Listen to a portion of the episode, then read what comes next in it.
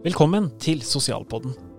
En sosial fagpodkast fra Institutt for helse, sosial og velferdsfag her ved Universitetet i Sørøst-Norge. Velkommen til eh, episode tre av eh, våre episoder som handler om grunnleggende arbeidsmodell i eh, vernepleie. Og i denne episoden så er det analyse og drøfting som skal være tematikken. Analyse og drøfting kommer jo etter kartlegging, og det betyr at vi må forstå det vi har sett. Når vi har kartlagt, så har vi sett noe, og det må vi forstå. Og mm. i gavemodellen så deler vi det i analyse og drøfting. I vanlig forskning snakker vi ofte om analyse. Men veldig kort analyse, det betyr at vi har fått masse informasjon gjennom kartlegginga, og denne informasjonen, den må vi systematisere. Vi må dele den inn i noen kategorier. Vi må finne ut hva det handler om. Og det kan være at det handler om eh, kommunikasjon, eller at det handler om fritid, eller ulike kategorier.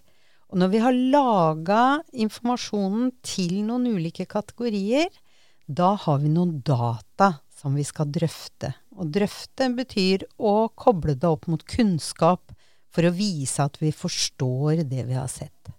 Det var en super eh, rask gjennomgang av analyse og drøfting her. Hvis vi spoler tilbake igjen, så sitter vi igjen med noe informasjon. Og den informasjonen er da resultatet av det vi har kartlagt. Men den i seg selv kan vi ikke anvende. Det er det vi skal fram til at vi skal gjøre noe til slutt. Men rein informasjon, den sier oss ikke så veldig mye. Nei, for den er ofte veldig vid.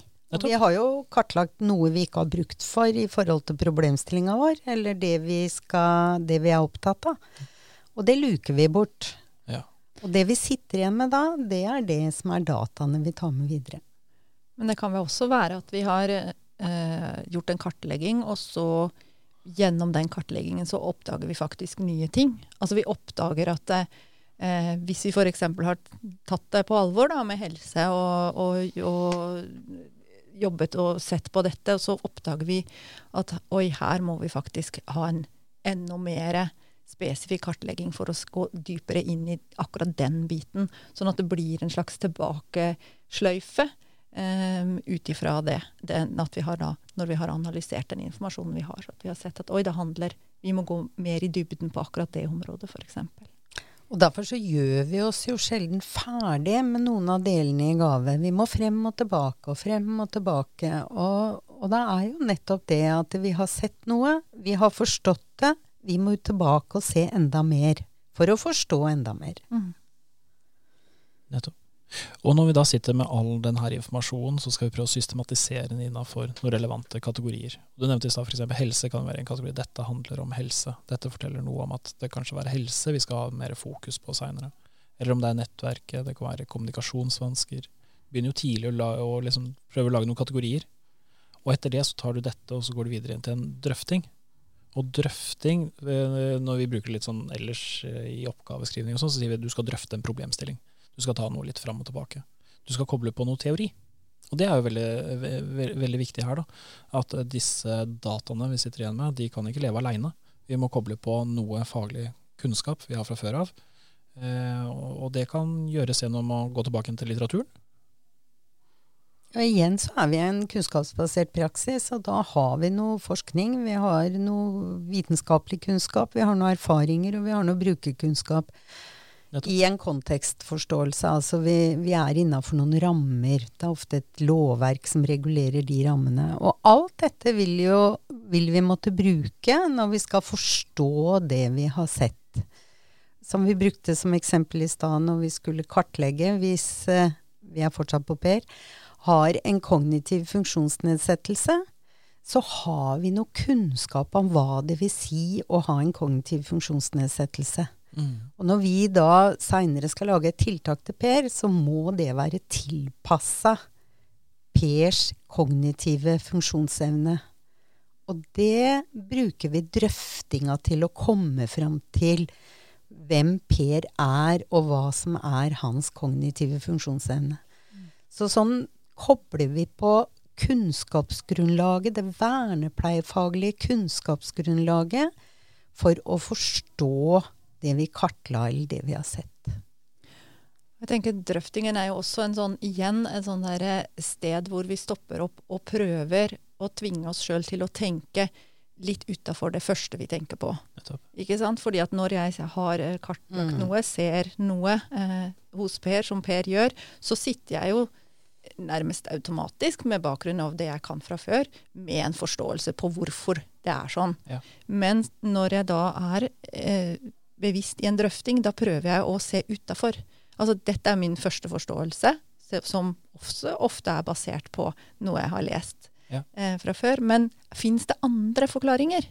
Går det an å se på dette fra et annet sted? Ikke sant? Eh, og ikke minst, har Per en forklaring på hvorfor ting er sånn, ut ifra hans perspektiv? Hvordan kunne det vært? Um, så, så det å tvinge seg sjøl til å liksom ikke hoppe på første og beste forklaring, men faktisk drøfte det da, fra ulike ståsteder, det tenker jeg er et sånt eh, Det er et bidrag da, som, som akkurat det punktet har. Og et tiltak da for å kunne nettopp få inn andre perspektiver kan jo også være å drøfte det sammen med andre fagpersoner. At man er et team, at man er mennesker som har forskjellige fagbakgrunner, eh, forskjellige faglige innfallsvinkler. Jeg tror det er kjempeviktig at ikke vi havner i den grøfta at vi skal få eh, Per til å passe med, med kunnskapen vår. Altså at vi skal få bekrefta teoriene våre gjennom hans atferd, eller det vi har kartlagt. Men at, som Sabine sier, at vi har ulike briller på. Jeg kan forstå det hvis jeg, har, hvis jeg står i det og det vitenskapssynet, det og det kunnskapsgrunnlaget, så kan jeg forstå det jeg har sett ut fra én måte. Men hvis jeg står i et helt annet kunnskapsgrunnlag, så vil jeg kanskje forstå det ut fra en annen måte. Og det er jo selve drøftinga. Det er ikke Per som skal passe til vår teori. Det er vi som skal bruke teorien til å belyse mulige forståelser av det vi har sett hos Per. Og det tvinger oss virkelig å, å finne den fagligheten vår. Det å si hva, hva kan jeg faktisk om dette? Og eventuelt da ut og hente mer, mer kunnskap som jeg eventuelt ikke har, eller lese opp igjen på kunnskap. Ja, og der er det jo som du sier dette her med samarbeid med andre, og andre faggrupper. Og det er jo nettopp i det tverrfaglige møtet eh, at, vi, at vi bevisstgjør oss hva er det jeg kan, eh, som gjør at jeg forstår Per på den og den måten når jeg er f.eks. i et ansvarsgruppemøte og skal snakke om hvorfor vi gjør det vi gjør. Tvinger oss gjerne til å ta den, den pausen som Sabine var inne på, det å tvinge oss til å stoppe, stoppe opp før vi går til neste skritt. Ja.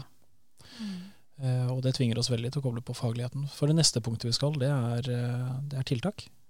Og nå har vi i hvert fall lagd en, en pause inni der, eh, der vi stopper opp, analyserer noe. Vi drøfter det. Vi går ikke rett fra at vi har kartlagt noe og bare skal gå rett på et tiltak heller.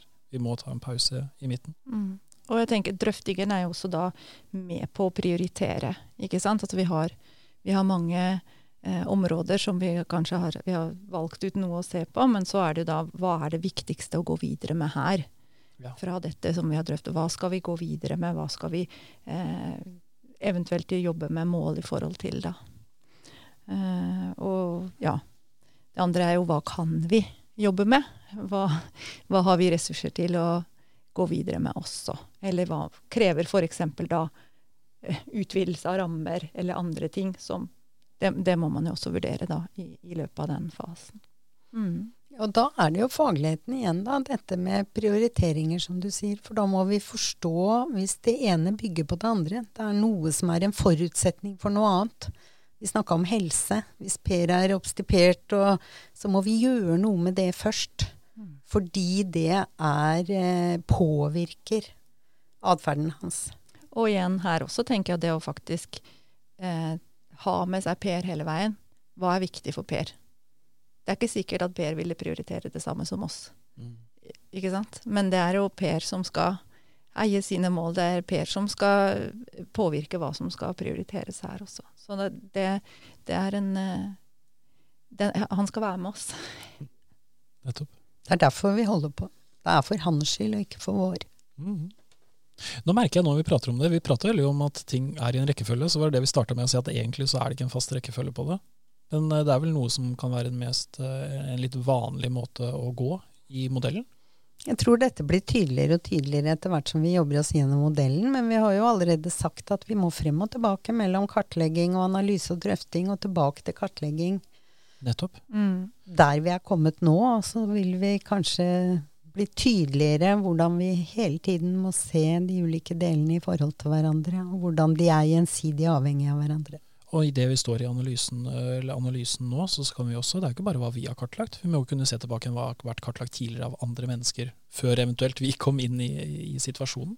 Absolutt. Og, og, det å snakke om nettverket, det å, å bruke, kartlegge i forhold til nettverket, intervjue nærpersoner, eh, andre arenaer. Og, og, det kan jo også finnes forskning på, på, tilsvarende problematikk, hvor andre har vært inne og, og kartlagt og kan gi oss tips om hva som er viktig, og hvordan de har forstått det. Så det med eh, forholdet mellom kartlegging og analyse og drøfting, det er, eh, det er hånd og hanske. Nettopp. Og med det så har vi gått gjennom denne episoden også.